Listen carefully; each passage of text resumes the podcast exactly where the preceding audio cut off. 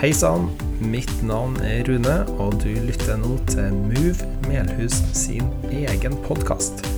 Besøk oss gjerne på movemelhus.no for mer informasjon, eller søk oss opp på Facebook. Vel bekomme. Eller som er ny, eller som ikke har vært her på en stund. Veldig kjekt å se dere alle sammen. Og godt nyttår. Vi er inne i et nytt år. Og det dukker opp for mange nye muligheter. Gratulerer til Mikael. Det står kjempestor respekt i det valget som du har tatt, og at du ønsker å være en del av Guds familie videre. Eh, og det, er veldig flott å få lov til å være vitne til akkurat den handlinga. Vi som menighet vi skal selvfølgelig være med og be for deg videre. Mitt navn er Rune jobber her som pastor i Move Melhus. Akkurat nå er jeg eneste ansatt i Move Melhus. Eh, og har alltid vært eneste ansatt. Jeg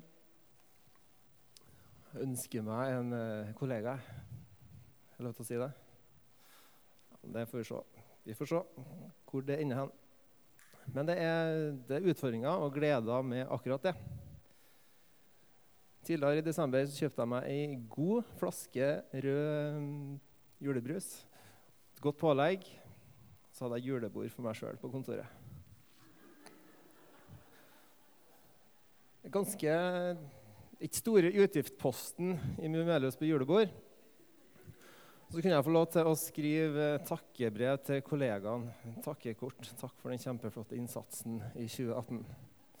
Og stabsmøtene går rimelig raskt unna. Veldig effektivt. Det skal sies at jeg er tilknytta en, en, regionstab her i Trøndelag gjennom Nordmisjonen. Så jeg har, jeg eh, har, noen kollegaer som jeg forholder meg til, og som jeg stadig møter. Da. Og så har vi en fantastisk flott gjeng her i menigheten, eh, både av frivillige og styret, da, som også er frivillig, um, som jeg får lov til å jobbe sammen med. Og det, jeg kjenner meg ganske heldig akkurat nå som har den jobben som jeg har.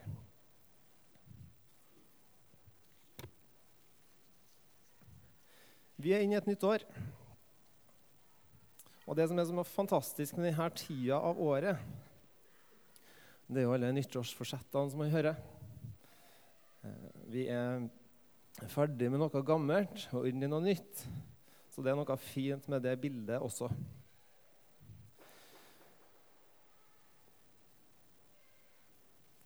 Vi kan forandre på mye, men ikke den tida som vi har fått. Så vi kan ikke gjøre noe med at vi er i 2019. Kanskje noen har hodet sitt tilbake noen år, men vi er i 2019. Og kanskje har du satt deg et nyttårsforsett. Kanskje du har satt deg et mål for det som ligger foran. Det er jo ganske typisk oss nordmenn. Når vi kommer til januar, så går vi ganske rakrygga inn i det nye året. Vi skal begynne å trene. Vi skal spise sunnere. Eh, vi skal legge fra oss noen usunne uvaner. Og treningssentrene de er aldri så fulle som de er i januar. Og så møter vi hverdagen og realiteten, og så skjer det noe. Kanskje har man satt seg for høye mål. Jeg vet ikke. Men jeg har i hvert fall sansen for det her eh, med nyttårsforsett og det å sette seg mål. Det tror jeg er viktig. Og så hører om folk som setter seg andre typer mål, sånn som å være mer til stede. Vært mer til stede for barna sine, f.eks. Mindre mobilbruk i sosiale settinger. Eh, noen sier at de skal lese mer Bibel.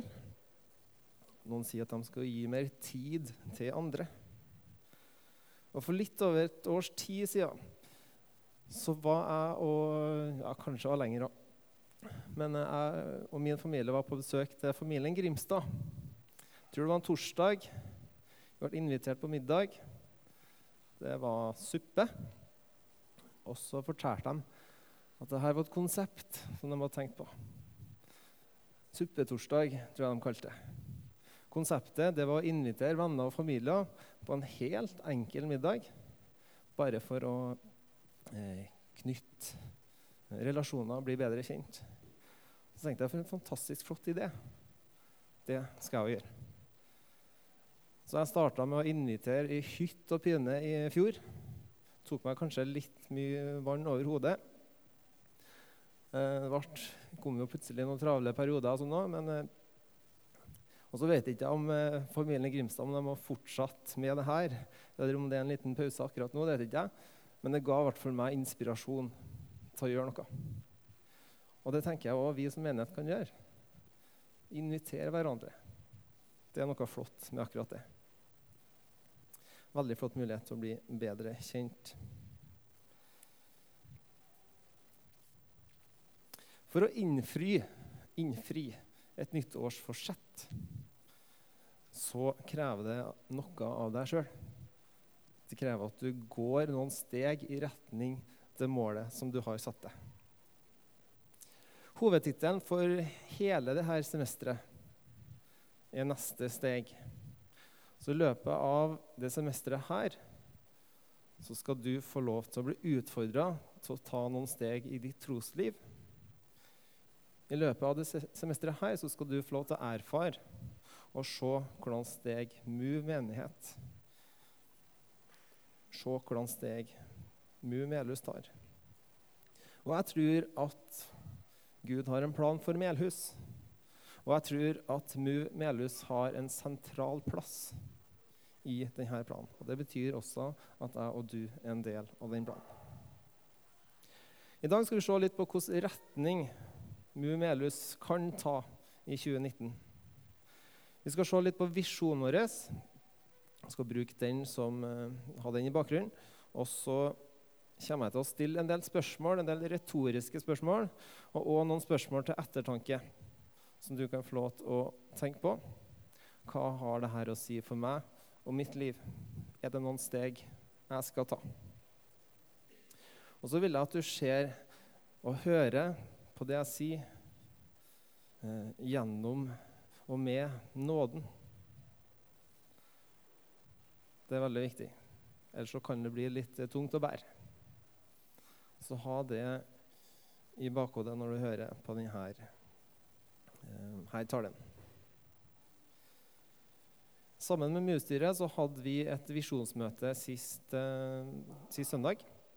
Da så vi litt på eh, det som har vært. Vi så på det som er, og vi så på det som kan bli. Så gjennom bønn og samtale så begynte vi å sette noen strategier. Vi satte opp ei god liste over hva som hadde vært, og det ga meg inspirasjon. altså. Jeg kjente på en utrolig takknemlighet over alt det som har vært, og det som er. Eh, og så kjente jeg på at det er så mange jeg skulle ha takka. Det er så mye å være takknemlig for. Så i dag har jeg lyst til å bare sette fokus på ei gruppe. Mange jeg skulle ha satt fokus på, men jeg har lyst til å sette fokus på ei gruppe, og det er den gjengen som er ned og leder Minimove. Dem er jeg utrolig takknemlig for. De samles til gudstjeneste etter gudstjeneste og legger til rette for at den, den minste generasjonen skal få lære om Jesus. De skal få en trygg og god relasjon til Jesus og hverandre. Og det tror jeg er den beste investeringa vi kan gi dem. Livet til barna kan også være tøff. Og det å få lov til å høre at du har en ufattelig verdi, det tror jeg gjør noe med deg.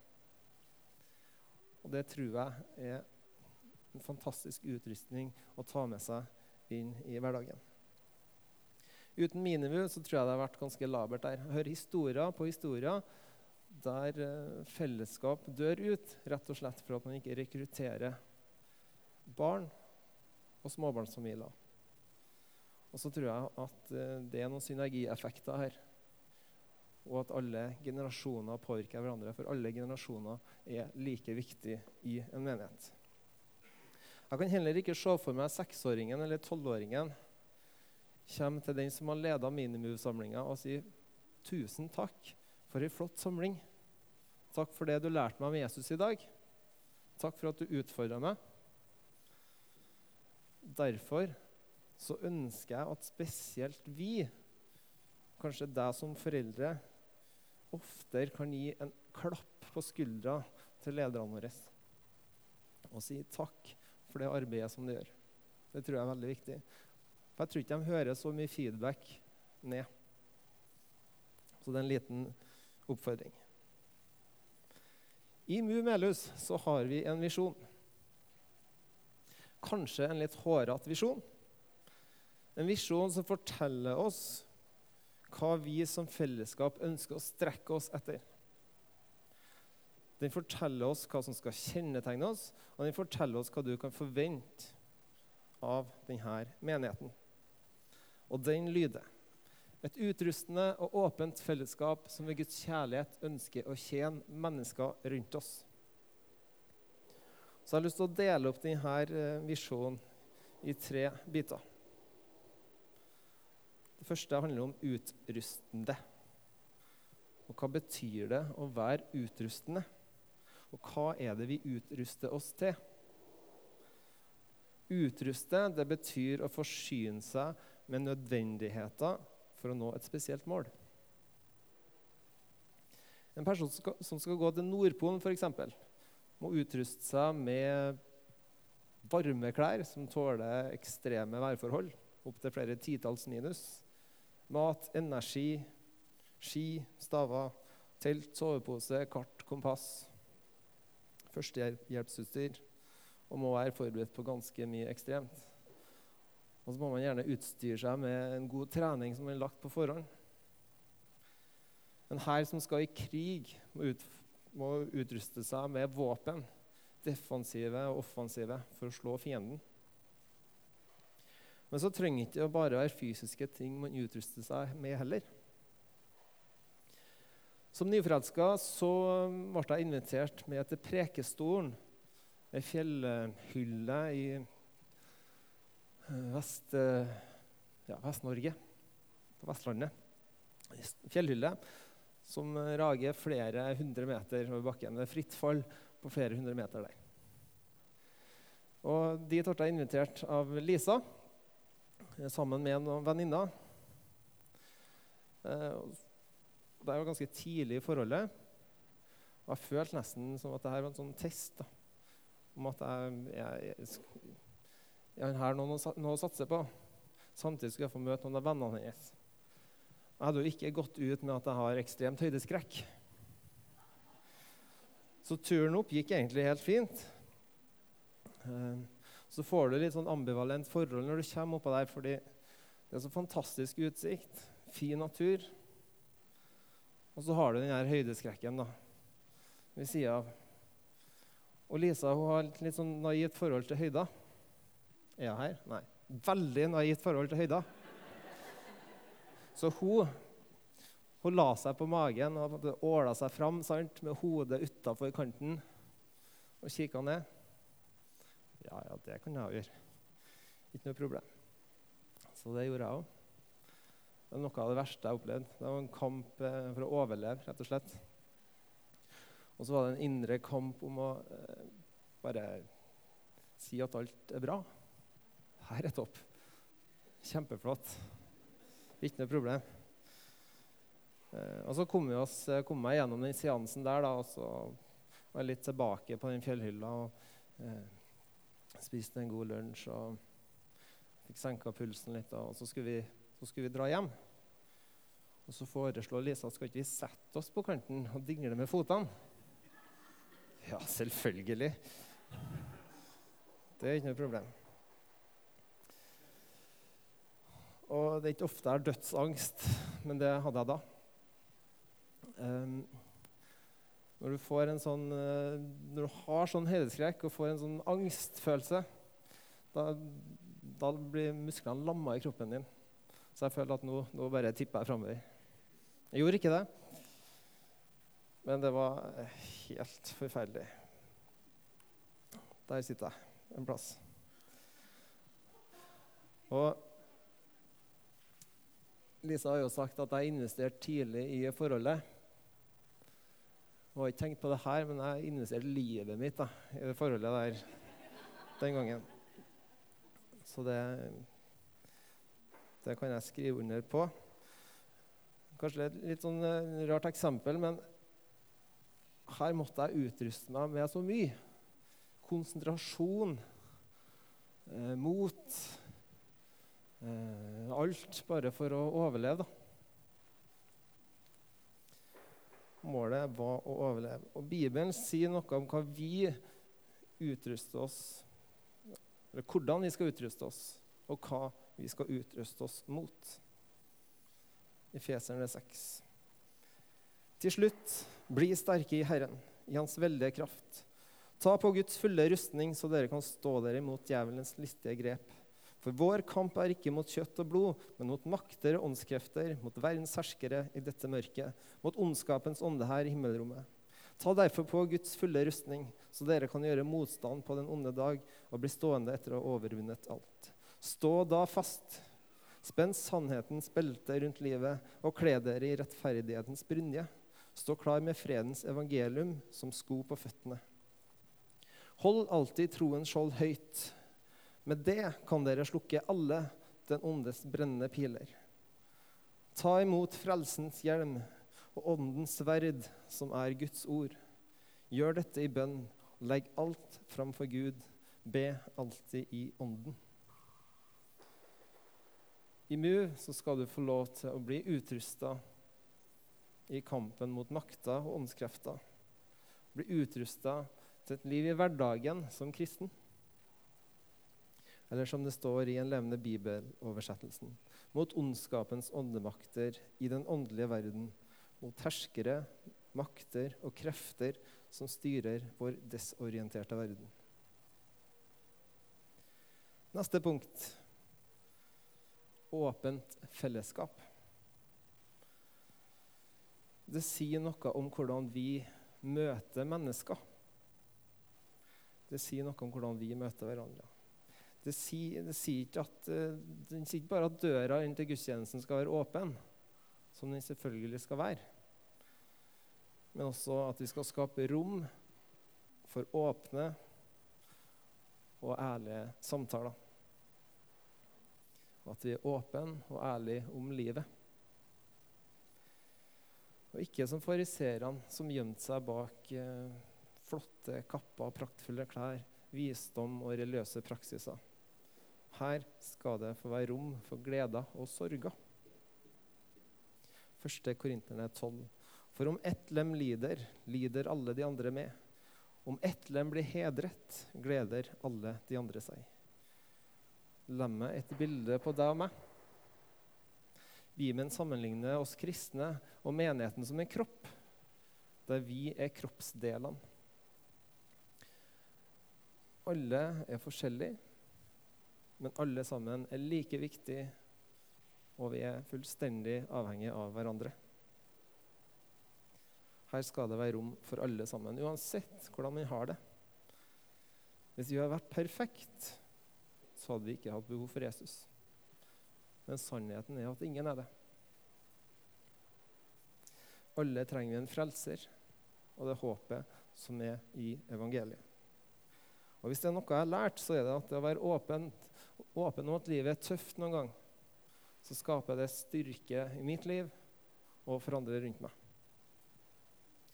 Og når jeg ser utover dere nå, så ser jeg en tilsynelatende ressurssterk gjeng. Og det er jo litt sånn en typisk mover, da. Ser ganske vellykka ut. Hvis ikke jeg kjente dere, så hadde jeg tenkt det fine klær, ekteskap gjerne, barn kanskje, et eget hjem. Eh, man har en utdannelse, jobb, god økonomi. Men er det sånn, da? Nå tror ikke jeg at uh, Move eller gudstjenesten skal få være den arenaen der Gry Marit kommer opp og forteller alt om hva Torbjørn gjør galt at ekteskapet ikke er som det skal være. Eh, det finnes andre arenaer for det. Men Move er så mye større enn gudstjenesten. da. Har vi en arena eller et rom der vi kan være åpne og ærlige om livet? Det er noe vi må strekke oss etter. Og hvordan møter vi mennesker som ikke kan gjemme seg bak fine klær, ekteskap og god utdannelse eller helse? Jenter som nettopp har tatt abort. Eller gutten som lurer på om han er homofil. Eller flyktningen som har mista alt. Ekteparet som har gått fra hverandre. Familien som sliter økonomisk. De som er ramma av alvorlig sykdom. Hvor åpent er dette fellesskapet? Er det plass for dem i gudstjenesten? Er det plass til dem i våre relasjoner? Og Det leder oss til siste punkt Guds kjærlighet. Dette handler om å vise Guds kjærlighet til mennesker rundt oss. Og det er den mest eh, effektive måten å dele evangeliet på. Med barmhjertighet og kjærlighet. Nettopp fordi Gud er kjærlighet. Gud har et bankende hjerte spesielt for de utslåtte. De svakeste i samfunnet vårt. De hjelpeløse, ulykkelige, sorgfulle, familieløse, farløse, undertrykte, hjemløse, flyktninger, fattige, syke, ressurssvake. Jeg tror ikke vi trenger å se langt for å se dem. Kanskje er det flere her som kan kjenne seg igjen i ett eller flere av disse punktene. Det er ikke vanskelig å være god mot dem som er gode mot deg. Men det å være god mot noen som kanskje viser det motsatte tilbake, det er utfordrende. Så hvordan kan vi klare det? Bibelen gir oss svar på det. I kraft av Jesu kjærlighet og Den hellige ånd som bor i oss, så skal vi få lov til å klare det. På den måten så er det mulig. Vi elsker fordi han elska oss først. I Matteus kan vi lese om en fariseer som eh, prøver å sette Jesus eh, på prøve og spør hvilke bud som er størst i Moseloven. Jesus svarer du skal elske, Herre, elske Herren din Gud av hele ditt hjerte, av hele din sjel og av all din forstand. Dette er det første budet, også det viktigste. Det nest viktigste ligner på det første. Du skal elske dine medmennesker som deg sjøl. Dette er utfordrende og radikalt. Det å følge Jesus er radikalt. Hardrockeren Alice Cooper snakka en gang om omvendelsen sin i The Sunday Times. Da sier han det har ikke alltid vært eh, enkelt å kombinere tro og det klassiske rockelivet. Å drikke seg full og ramponere hotellrom var bare barnematen. Men å være kristen, det er beintøfte. Det er det som er opprørsk og radikalt. Er opprørsk fordi vi kommer til å skille oss ut fra mengden. Og i noen tilfeller gå motsatt vei. Det betyr ikke at du trenger å gå i sære klær eller ha masse Jesus-tatoveringer, som jeg har. Og For en liten stund siden så møtte jeg ei eh, dame i 40-åra på Impuls treningssenter. Jeg satte meg ned i en sofakrok der sammen med henne. Så kom vi i prat. Og så begynte jeg å se litt på tatoveringene mine og måtte vise meg sin tatoveringer. Og så ser hun korset, og så spør hun meg er du kristen. Så sa jeg ja, det er jeg. Og så trakk hun seg litt tilbake. Så merka jeg at det her er kanskje et tema et annet hun ikke helt ville snakke om. Men vi snakka litt videre, og så sa hun hvor kristen er du? Så tenkte jeg for en mulighet. Her har du det ultimate spørsmålet du egentlig drømmer om å få hvis du har lyst til å forkynne. da. Hvor kristen er du? Men jeg spilte litt videre på denne her. tenkte humor kanskje skulle være uh, greia her. da. Så jeg sa jeg er pastor. sa. Og da trakk hun seg enda mer tilbake. Um, så Jeg merka at det her var et tema jeg egentlig ikke ville snakke om, men hun spurte meg om kan du ha tatoveringer. Så ja, det kan jeg. Men så ville ikke jeg snakke noe mer, mer om det igjen. Så snakka vi litt videre, og så tenkte jeg ja, jeg kan jo si hvor jeg er pastor hen, da. Så jeg, så er pastor i Move Melhus her i Melhus. Vet ikke om du har hørt om det. Så hadde jeg ikke jeg. Men så ville jeg ikke snakke noe mer om dette temaet. Og så har jeg tenkt i ettertid hvorfor, hvorfor var det sånn? Hvilke tanker hadde hun om kristne? Hvem har hun møtt før? Hva gjør at hun på en måte får litt sånn avstand fra akkurat der? Og det kan være flere faktorer. Men jeg lurer på om vi er kjent for det vi skal være kjent for.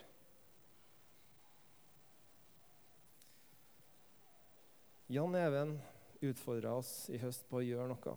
På å gjøre små ting i kjærlighet, fordi det kan ha stor påvirkning.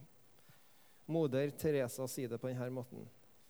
Vi kan ikke gjøre store ting, men små ting med stor kjærlighet. For kjærlighet, det er det vi skal gjenkjennes på. Johannes 13, 34. Jeg gir dere instruks om noe nytt. Det er Jesus som snakker til sine disipler. At dere skal elske hverandre. Ja, elske hverandre like mye som jeg har elska dere. Gjennom det at dere elsker hverandre, skal mennesker skjønne at dere er mine disipler. Elsker vi hverandre i Move? Kanskje. Er det vårt kjennetegn? Er det kristnes kjennetegn? Hva tenker naboen? Hva tenker de som ikke kjenner Jesus, om oss? Media kan være en pekepinne. Jeg skal ikke svelge alt som står i media.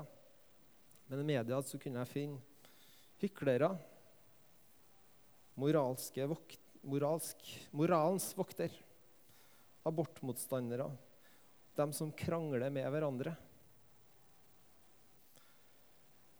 har til gode å lese at de kristne er de som elsker hverandre. Det kan komme over mye fint òg, men det er ikke det som kommer først. Det er derfor vi har en visjon som vi ønsker å strekke oss etter. Og Det er en visjon som sier noe om viktigheten av det å leve tett på Jesus. Samtidig er dette en visjon som vi ikke kommer til å nå fullt og helt. Men det er noe som skal hjelpe oss på veien. Jeg ble nylig fortalt at visjonen virker litt uoppnåelig. Det kan være store ord og vanskelig å ta eierskap i. At den oppfattes som at dette er en visjon for ressurssterke kristne.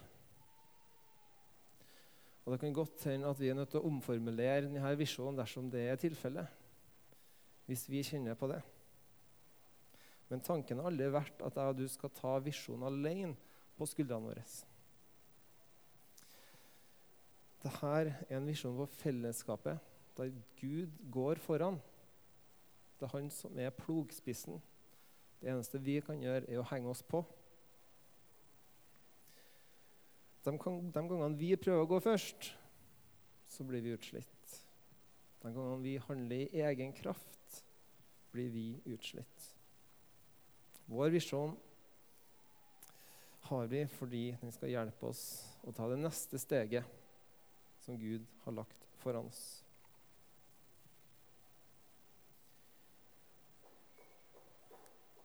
Helt til slutt Til grunn for vår visjon så ligger kallet. Det har vi hørt ved et par anledninger før i dag. Og Det finner vi i Matteus 28, også kalt misjonsbefalinga. Det er Jesu ord til disiplene, disiplene og oss før han reiste opp til himmelen. Da trådte Jesus fram og talte til dem. Jeg har fått all makt i himmelen og på jorden. Gå derfor og gjør alle folkeslag til disipler. Døp dem til Faderens og Sønnens og Den hellige ånds navn, og lær dem å holde alt jeg har befalt dere. Ofte så stopper vi opp der og undres. Hvordan, hvordan kan vi gjøre det her? For det første så er det kallet her eh, og befalinga gitt oss. Jesus sendte aldri ut disiplene alene. Vi er sendt sammen. Likevel så kan det oppleves litt tungt å bære. Men Jesus gir oss et løfte helt til slutt som vi skal få lov til å hvile i. Og se, jeg er med dere alle dager inntil verdens ende. Min utfordring til deg vil du være med? Vil du være med og bygge Guds rike her på Melhus? Jeg har en drøm, og det er at menighetsliv eller kristenliv skal få være en livsstil. At det ikke er en tilleggsaktivitet som vi prøver å smette inn i kalenderen vår. Men at det skal få lov til å handle om noe mer enn gudstjenesten. Vi er kalt til å bygge Guds rike der vi er. Alle som bekjenner at Jesus er Herre, har Den hellige ånd boende i seg.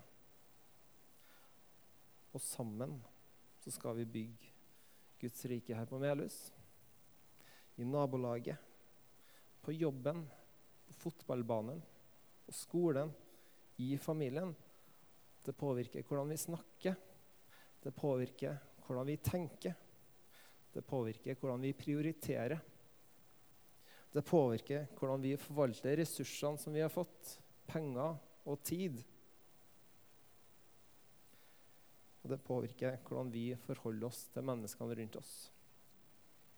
Lovsangstime kan få komme opp.